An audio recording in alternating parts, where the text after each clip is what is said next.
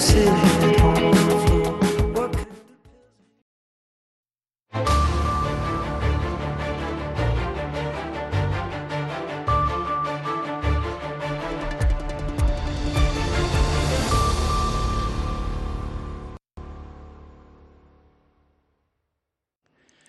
halkani waa washington. Laanta afka soomaaliga ee v o a oo aad ka dhageysanaysaan mawjadaha gaagaaban efmiyada geeska afrika iyo caalamkao dhan oo aad nagala socotaan v o a somaly com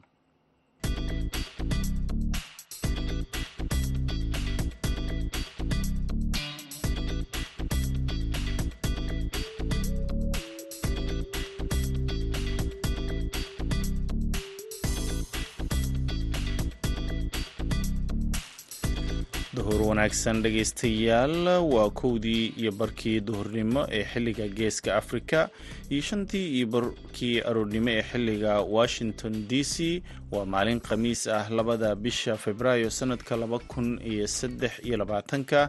Idaacadda duhurnimo ee barnaamijka dhallinyarada maantana waxaa idinla socodsiinaya anigoo ah cabdulqaadir maxamed samaka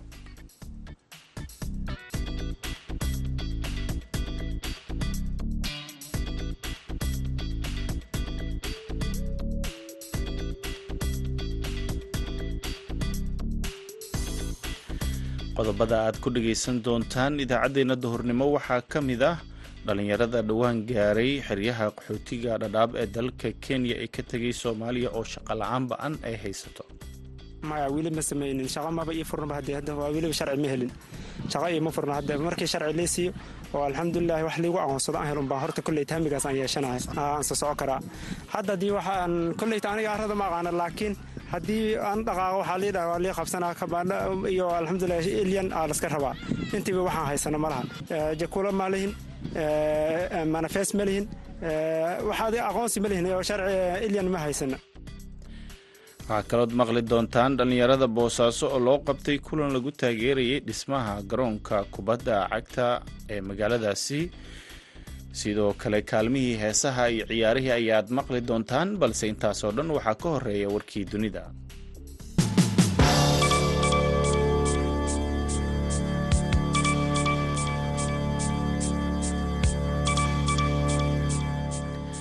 maxkamadda ciidamada qalabka sida ee soomaaliya ayaa saakay toogatay afar askari oo ka kala tirsanaa militariga booliska iyo hay'adda nabad sugidda iyo sirdoonka ee nisa kuwaasoo lagu helay eedo ahaa inay dileen xubno ay ka wada tirsanaayeen ciidamada sida uu sheegay ku-xigeenka xeerilaalyaha maxkamadda ciidamada maxamed cabdulaahi khaliif askarta la toogtay ayaa kala ahaa bukhaari cawil maxamuud oo nisa ka tirsanaa xali maxamuud xuseen oo militariga ka tirsanaa cabdirasaaq axmed mukhtaar oo booliska ka tirsanaa iyo maxamed nuur sheikh warre oo isna booliska ka tirsanaa kuwaasoo sida ay sheegtay maxkamadda lagu helay inay si bareer ah u dileen askar kale. Waa toogashadii ugu dambeysay ee ay fuliso maxkamadda ciidamada qalabka sida iyadoo dhowr jeer oo hore u fulisay toogasho noocan oo kale ah madaxda dowladda federaalka ayaa marar badan oo hore askarta dowladda uga digay inay geystaan dilalka sharci darrada ah ee ay kula kacayaan dadka rayidka ah iyo weliba kuwa ciidamada ay ka wada tirsan yihiin.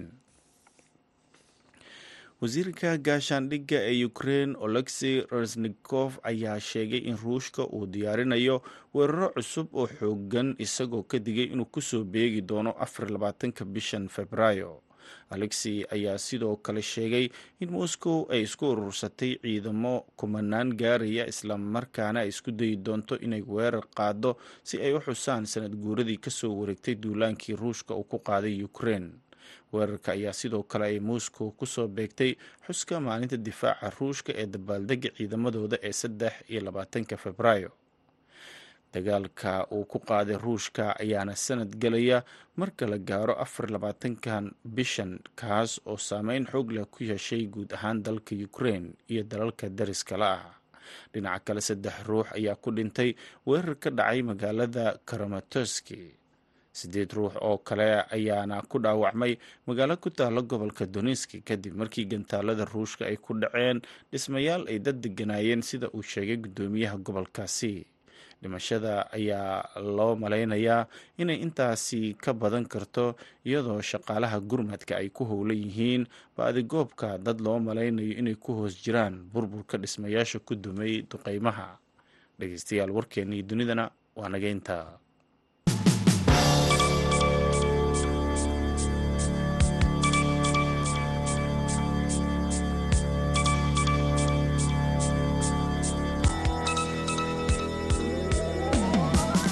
halkaaad warkaasi ka dhageysanayseen waa idaacadda v o a oo idinkaga imaaneysa washington. Duhur wanaagsan mar kale dhegeystayaal dhalinyarada soomaaliyeed ee dhowaan gaaray xeryaha dhadhaab ee dalka kenya ayaa kadib markii ay ka soo carareen soomaaliya ayaa waxaa halkaasi ku haysta shaqa la'aan xoogan iyadoo intooda badan aysan haysan sharciyo iyo aqoonsiyo. Wariyaha v o eda ee xeryaha dhadhaab cabdisalaan axmed salas ayaa warbixintan noo soo diray rajada iyo horumarka ay gaaraan bulshooyinka dunida waxaa saldhig u ah guusha ay gaaraan da'yarta bulsho kasta kaas oo saldhig u noqda geediga barooqo ee dal uu gaaro amaba dunida ka taabagala hordhacaasi dheer waxaan u sawirayo waa inaan idinla wadaago nolosha dhaasoon oo ay ku nool yihiin dhallinyarada dhibanayaasha u ah abaarta ka dhacday koonfurta soomaaliya kuwaas oo dhibanayaal ku ah gudaha xeryaha dhadhaab oo ay soo gaarayeen sannadihii la soo dhaafay dhallinyaradaasi oo rajooyin wanaagsan ka lahaa isbeddelka dunida ayaa abaartu ka dhigtay kuwo fadhiid ah oo riyooyin badan ay naawilayeen ka dadabtay dhagxaan waaweyn iyo buuro culus. Cusmaan maxamed aadan oo abaarta ka dhacday jubbada dhexe u ah dhibane ayaa waxaan weydiiyey nolosha uu ku wajahayo gudaha xeryaha iyo saamaynta uu ku yeelatay gargaar la'aanta ay kala kulmeen haydaha samafalka cusmaan maxamed aadan ayaa lii dhahaa waxaan soo qahay waxaan ka imaaday soomaaliya bu-aale waxaan imaaday bisha sagaalaad. Tan kale hadda siin u imaaday inta dhexdooda waxaan hay'ad xaggeed aan ka helay isdowla xaggeed aan ka helay waxaa jirta kaarka u n i c c. Waxaan ku qaatay galley.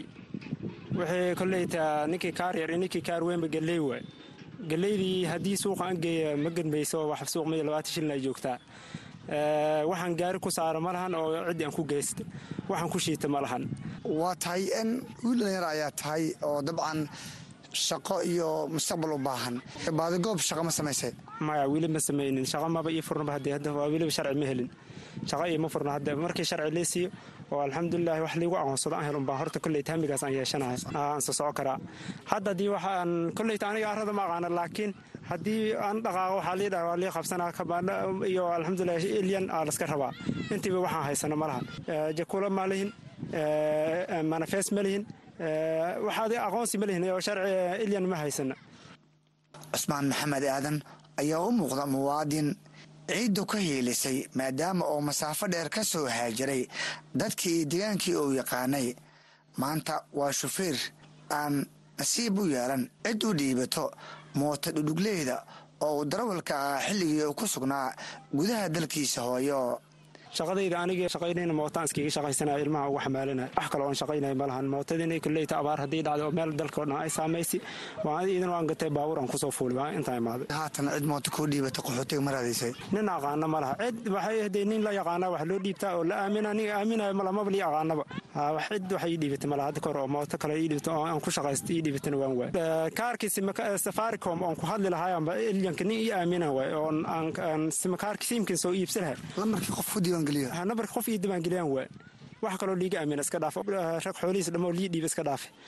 Dhalinyarada ka yimaada soomaaliya inta badan waa shaqayaqaan aanu baran inay ka sheekeeyaan goobaha shaahiga lagu cabo mahad maxamed diiriye waa darawal xilligan aan hayn wax shaqo ah waxaana weydiiyey. Sababta oo ugu shaqaysan waayey gudaha xeryaha meeshaan aadan oo dhib qabnaaniyow sida ay tahay haddana anaka gaari iyo waxaan wada jirno. Inta daan imaanayna nalooma aamina cidna siinayso malaha gaarigiis hadduu ruux ku aamini lahayna ma haystid leesin ma haystid oo suul ma haystid kabaan waxaad leedahay malaha si aad u shaqaysan khibrad dad ku shaqayso waa qabtahay laakiin maadka shaqaynayaan baleen magaalada. Marka sharciga ayaa idin xayiray sharci la'aan ayaan haysaa magaalada si aan aa shaqaysan dhinacan soomaaliya aan ka imaan haddana dhibaan haysta oo meesha meeshaan u soo roornayna haddana shaqa la'aan nin rag oon shaqaynayn macna dari waay saasaan meeshii ku joogna anagan. Waa tahay xilligaad waddanka joogtay gaari noocaa ku shaqanaysay gaari fiican hadda gaari geera kuma shaqaynin laakiin sagsigii waxaasaan iska wato caadi aan iskaga shaqaynayn nolol maalmeedkeygan aan ku soo dhacsanay laakiin inta si loo shaqeeyaanba lahayn. Cabdiqaadir maxamed cusmaan waa labay labaatan jir. Wuxuu aaminsanaa in nolol qurux badan iyo daryeel wanaagsan ay ka heli doonaan hay'adaha samafalka xilliga ay gaaraan gudaha xeryaha. Balse cabdiqaadir iyo dhiggiisaba waxay wajahayaan xaalad adag iyo sawir ka duwan rajooyinka ay kala hayeen nolosha qaxootinimo waxaan ka mid ahay dadka xeryaha qaxootiga dhowaan mar dhow soo galay.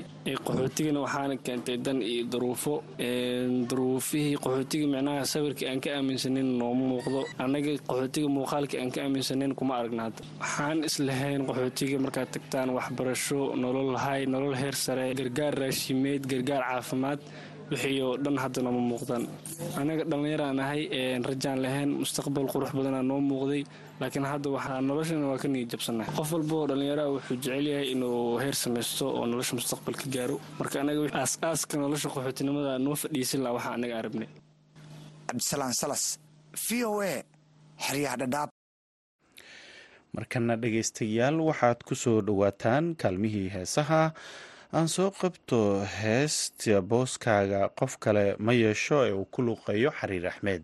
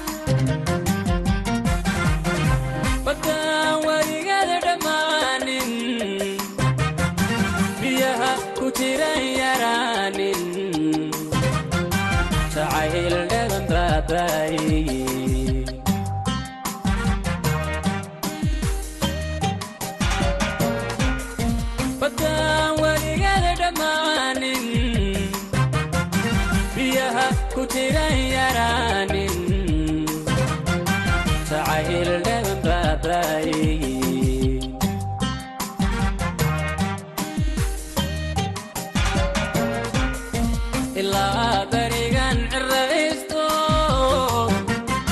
xasuustaadan baahinay intaifka baaqisi ay booskaaga qof kale ma yeesho.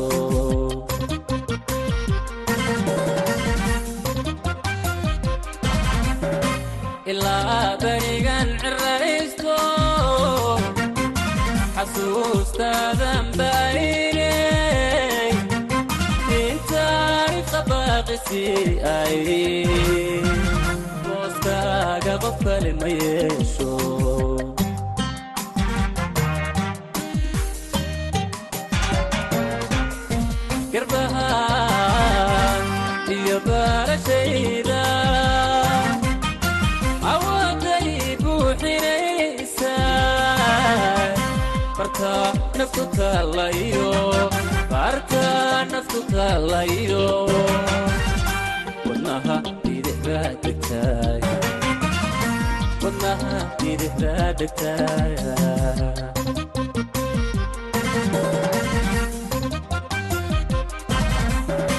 garbaha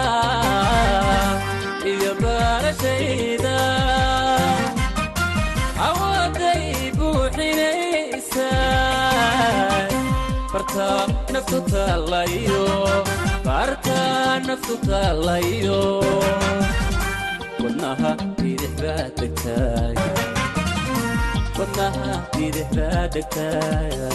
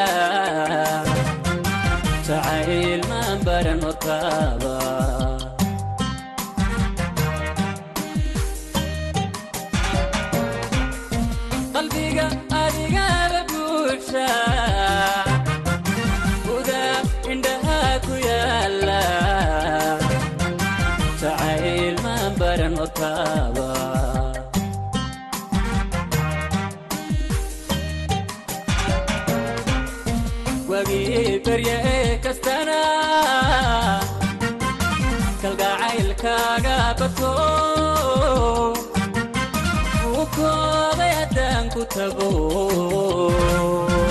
baxanaanadu agtaada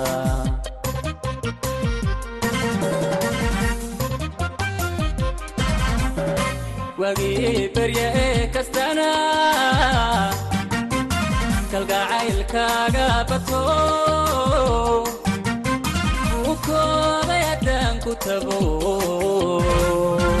Baxanaanadu agtaada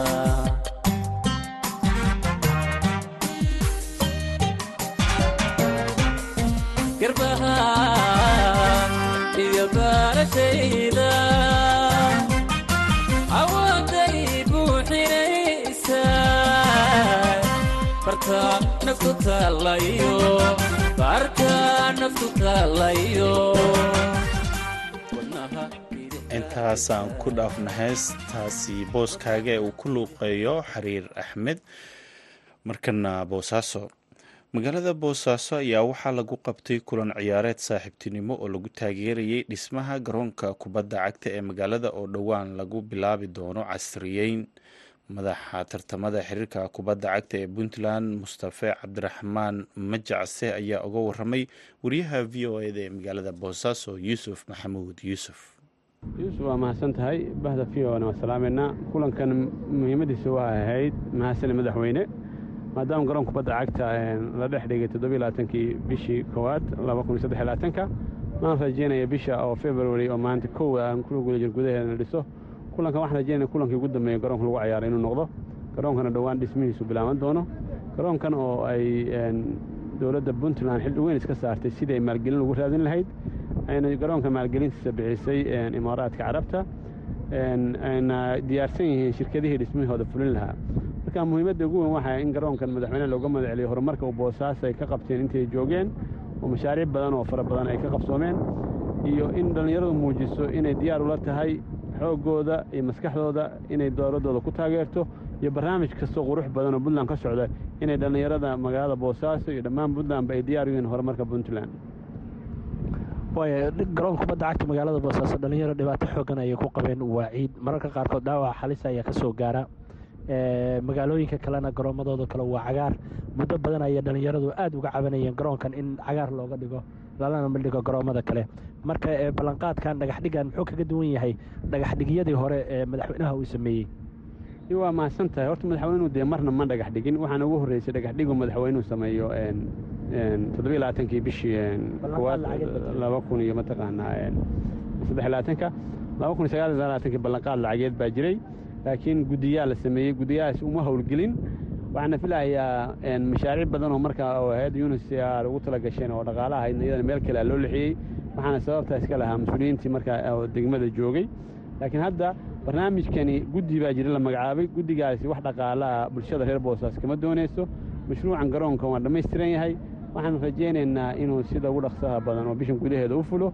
Wuxuuna kaga duwan yahay waa mashruuc oo madaxweyne dhagax dhigay ciddii maalgelisay bulshada reer boosaasood iyo puntlandba loo sheegay inay shirkadda imaaraadka carabta ay maalgelin garoon kubadda cagta boosaaso. Oo xaqiiqda dowladaan saaxiibannaha ay tahay. Marka taasna dee oo wakhti badan iyo juhdig badan ay geliyeen madaxweynaha dowladda puntland. Waayahay waxaan rabaa inaan ku weydiiyo mustafa cabdiraxmaan majacase sidee u arkaan marka dhallinyarada magaalada boosaaso qaybahooda kala duwan gaar ahaan dhallinyarada isboortiga dhismahan garoonkaan bilaaban doona. Xaqiiqdii fariintan xal aan u dirnay waan ka baahinay s v c iyo sahal kebel in ay beritoola kulan jiro kulankaasoo lagu taageerayay goryaanku dhismihiisa iyo horumarka ka socda magaalada boosaaso maantana dhallinyarado waxa ugu badan boosaaso ku nool oo garoonka soo camiray. Boosaaso saa la socotana waa magaalada kubadda cagta puntland xilliga dowladda dhexe meesha ka bacday laga bilaabay sagaashan iyo saddexdii. Waa magaalada isboortigeeda aad u fiican yahay. Saa la socotana magaalada boosaaso magaalooyinka kale oo puntland waxaa laga sameeyey laba garoon labada garoon hormuud waxa ahaa oo iska lahaa inay qabsoomaan madaxweynaha dowladda puntland iyo shacabka ku dhaqan mataqaanay. Guddiyadii loo magacaabay waxaan rajaynaya dhammaan gobollada puntland oo sagaalkaana in iyaguna sidaas oo kale insha allahu markii gobol laga qabto gobol kale ku xigi doono dhammaanna gobollada puntland oo dhan cagaar noqon doonaan. Xiriir kubadda cagta puntlandna wuxuu taagan yahay. Horumarinta kubadda cagta puntland iyo uqareemida goroommada kubadda cagta puntland. Marka kulankan muhiimaddiisu waxay ahayd mahadsanid mahadsanid mudane madaxweyne doctor sheekh cabdillaahi deni waxqabadkii iyo mashaariicdii waaweynaa ka fulisay magaalada boosaaso xaruntii dhaqaalaha. Kalsooni intee la-eg baa ku qabtaan in dhismihiisa garoonka february uu bilaaban doono bisha. Xaqiiqdii madaxweynaha puntland sheekh cabdillaahi deni waxa uu dhagax dhigo waxa uu og yahay oo hubo. Mana madaxdii dhagaxaanta iska tuumin jirdhay waana waxa uu dhagax dhigayana waa waxa uu og yahay dhaqaalaheedana uu yaalla koonto boosaas ee ku jiro. Oo akoonnada oo shirkadaha oo boosaaso bangiyada ka furan. Ugu dambeyntii markaa kulankan saaxiibtinimo galabta yaa ciyaaraya oo isaga hor yimi. Kulankan waxay iskaga yihiin labada kooxood oo heer puntland oo ka dhisan magaalada boosaaso waa beri f c iyo boosaaso f c. Muhiimaddana loogu talagalay waxay maadaama labada kooxood ugu weyn magaaladan ay yihiin in mataqaanaa ciyaartaas lagu sagootiyo garoonka taageerana loogu mujiyo dhismaha garoonka iyo siduu u noqon lahaa garoon casriya insha allah abdullahi kariim marka la isbarbardhigo garoonkan hadda dhallinyarada ay ku ciyaarayaan oo ciida iyo garoonka ay heli doonaan mustaqbalka. Marka la isbarbardhigo maxaa farqiga udhexeeya sooran kadha mustafa walaxadeedi garoon cagaar markuu yidhi qofka kubadda yaqaana kubaddii soo baxaysa laakiin garoonkan ciidda cayaartooy kubadda yaqaanana kama soo bixi karo. Dhaawac badanna waa jira oo ka gaari doona dhulka hadduu qofka cayaartooy ku dhaco. Laakiin garoon cagaara markuu uu yahay ciddii kubad taqaano oo farsamada fiicantahay waa ku soo baxaya. Waxaana filayaa jiilal badan oo kubaddooda wanaagsan tahay inay ka soo bixi doonaan garoon cagaara markii ay helaan. Sida gobollada kale oo puntland. Fariinteeda ugu dambaysa waxaa weeye in horumarka ka socda puntland cid walba oo dhallinyaro ay garab istaagaan madaxweynaha qorshayaasha oo magaaladan boosaas ka wada dhammaantood la taageero. Barnaamijka dumaraadiyadan ay dhallinyaradu ay taageeraan maadaama cidda ugu badan oo fursadda ka helaysa ama shaqa abuur ha noqoto ama cidda golayaasha deegaanka ku soo baxsay dhallinyaro tahay inay barnaamijka gobol kasta dhallinyarada ku noola puntland afriintan ugu daray inay taageeraan barnaamijka dimuqraadiyadda puntland kaasi waxa uu ahaa madaxa tartamada xiriirka kubadda cagta ee puntland mustafa cabdiraxmaan majacase oo u warramayey wariyaha v o eda yuusuf maxamuud. Yuusuf markanna waxaad ku soo dhowaataan wararkii cayaaraha. Haddii aan ku horeyno dhinaca dalka ingiriiska kooxda manchester united ee kubadda cagta ayaa xalay u gudubtay fiinalka koobka e f l-ka kadib markii ay garaaceen markii labaad kooxda nottingham forest oo isku arkeen wareega samafinalka manchester united ayaana celcelis ahaan labada ciyaarood ay kala hortagtay nottingham waxay ku garaaceen shan iyo eber. Ciyaarta ayaa qaybtii hore waxay ku soo dhammaatay barbaro eberi eber ah laakiin markii laisu soo laabtay ayuu tababare eric tenxaaq beddel ku soo geliyey saddexdiisa weerar ee kale ah marcos rashford antony marshall iyo weliba jayden zanjo oo isaga garoomada ka maqnaa muddo afar bil ah laakiin dib u soo laabtay. Tababare tanxaaq ayaana si gaar ah u soo dhoweeyey jayden sanjo kaas oo dhaawac iyo arrimo dhinaca shaqsiga ah garoomada kaga maqnaa bilihii la soo dhaafay. Sanjo ayaana markii u dambeysay uu ciyaaro kooxdiisa waxay ahayd bishii oktoobar ee sannadkii hore. Markaas wixii ka dambeeyana waxa uu si gaara u qaadanayay tababar isagoo la tacaalayay dhaawacyo soo gaaray iyo arrimo la xiriira dhinaca markaasi ama arrimo gaar ah ama khaas ah. Kooxda united ayaana laba gool la timid qaybtii dambe ciyaarta waxaana u kala dhaliyey xidigaheeda kale ah antony marshall iyo fred. Labada gool ayaana waxaa caawiyo ka ahaa xidiga qaab ciyaareedka cajiibka ku jira ee kooxda manchester united ee marcos rashford haddaba manchester united ayaa waxaa shan iyo labaatanka bishan ay fiinaalka koobka f a kabka la ciyaari doontaa kooxda newcastle united oo iyagana maalintii ka horreysay ka soo baxay kooxda southampton oo ay la ciyaareen. Dhinaca suuqana madaxweynaha ama guddoomiyaha xiriirka kubadda cagta ee sbain ayaa eed u soo jeediyey horyaalka premier leaga isagoo sheegay in ay sicirbarar ku rideen ciyaaraha waxaana uu sheegay in lacagaha gaaraya ilaa iyo siddeed boqoloo milyan in ka badan ay qarashgareeyaan ay suuqa ciyaartooyda ku keeni doonto. Qalqal chelsea ayaana ah kooxda bixisay lacagaha ugu badan in ka badan afar boqoloo milyan oo yuuro ayay keliya bishii januari bixiyeen taas oo ka badan dhammaan kooxaha yurub lacagihii ay bishan qarashgareeyeen kooxda chelsea ayaana la isweydiinayaa halka ay ku socoto maadaama ciyaartooy kasta oo farta ay ku taagto ay lacago qaali ah ka bixinayso. Xiriirka kubadda cagta ee laliga ayaana ka walaacsan lacagaha ay qarash garaynayaan kooxaha ingiriiska taas oo ay sheegeen inay dhibaato ku noqon doonto hanaanka ciyaartooy kala iibsiga ee qaaradda yurub iyaga oo soo jeediyey in sida hadda ay wax ku socdaan laga bedelo dhinaca isla sbainna horyaalka laliga kulamo ka tirsan ayaa la ciyaarayaa kooxda real madrid ayaa maanta waxay la ciyaaraysaa kooxda valencia. Dhinaca dalka talyaanigana kooxda yuventus oo ganaaxa garka loo geliyey ayaa kulan adag maanta kaga hortegaysa kooxda lazio ee kubadda cagta. Kulankan ayaana ah kulanka kooba itaaliya loo yaqaano yuventus ayaa sidoo kale dacwadeeda ay sii socon doontaa iyada oo laga yaabo in eedo kale ay ku soo baxaan dhegaystayaal. Wararkeennii cayaaraha waa naga intaa balse marka hore waxaad ku soo dhowaataan kaalmihii heesaha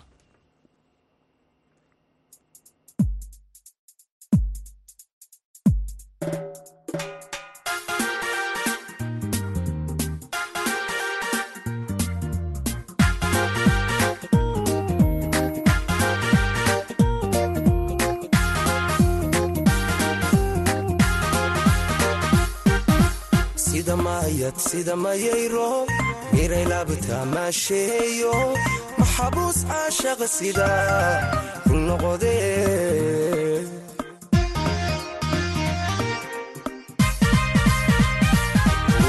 sida mayad sida mayayro miray laabta maasheeyo maxabuus caashaqa sida ku noqode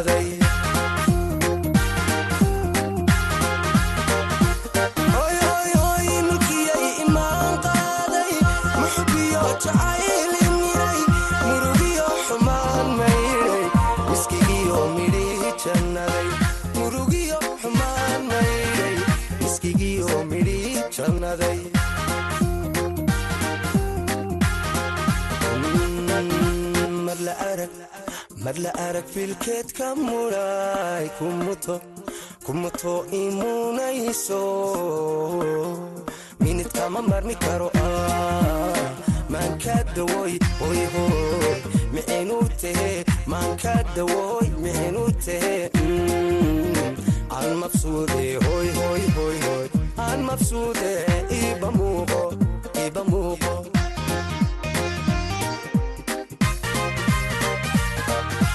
mar la arag arag filkeedka mudhay kumuto imunayso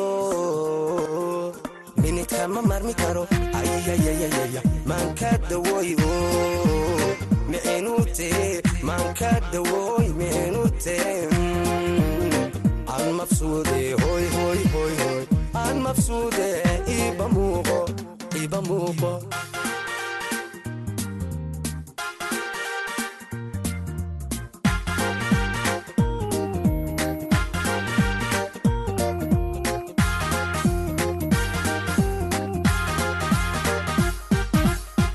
macalin magac weynlo meeqam le maamuuso mahadshaan makhluuq qajira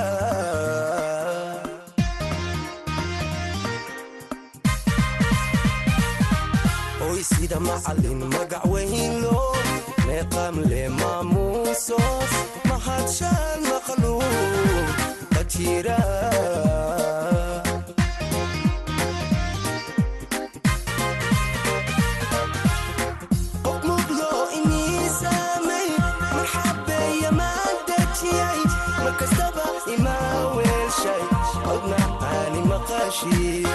markastaba ima weelsha cod macaani maqashiya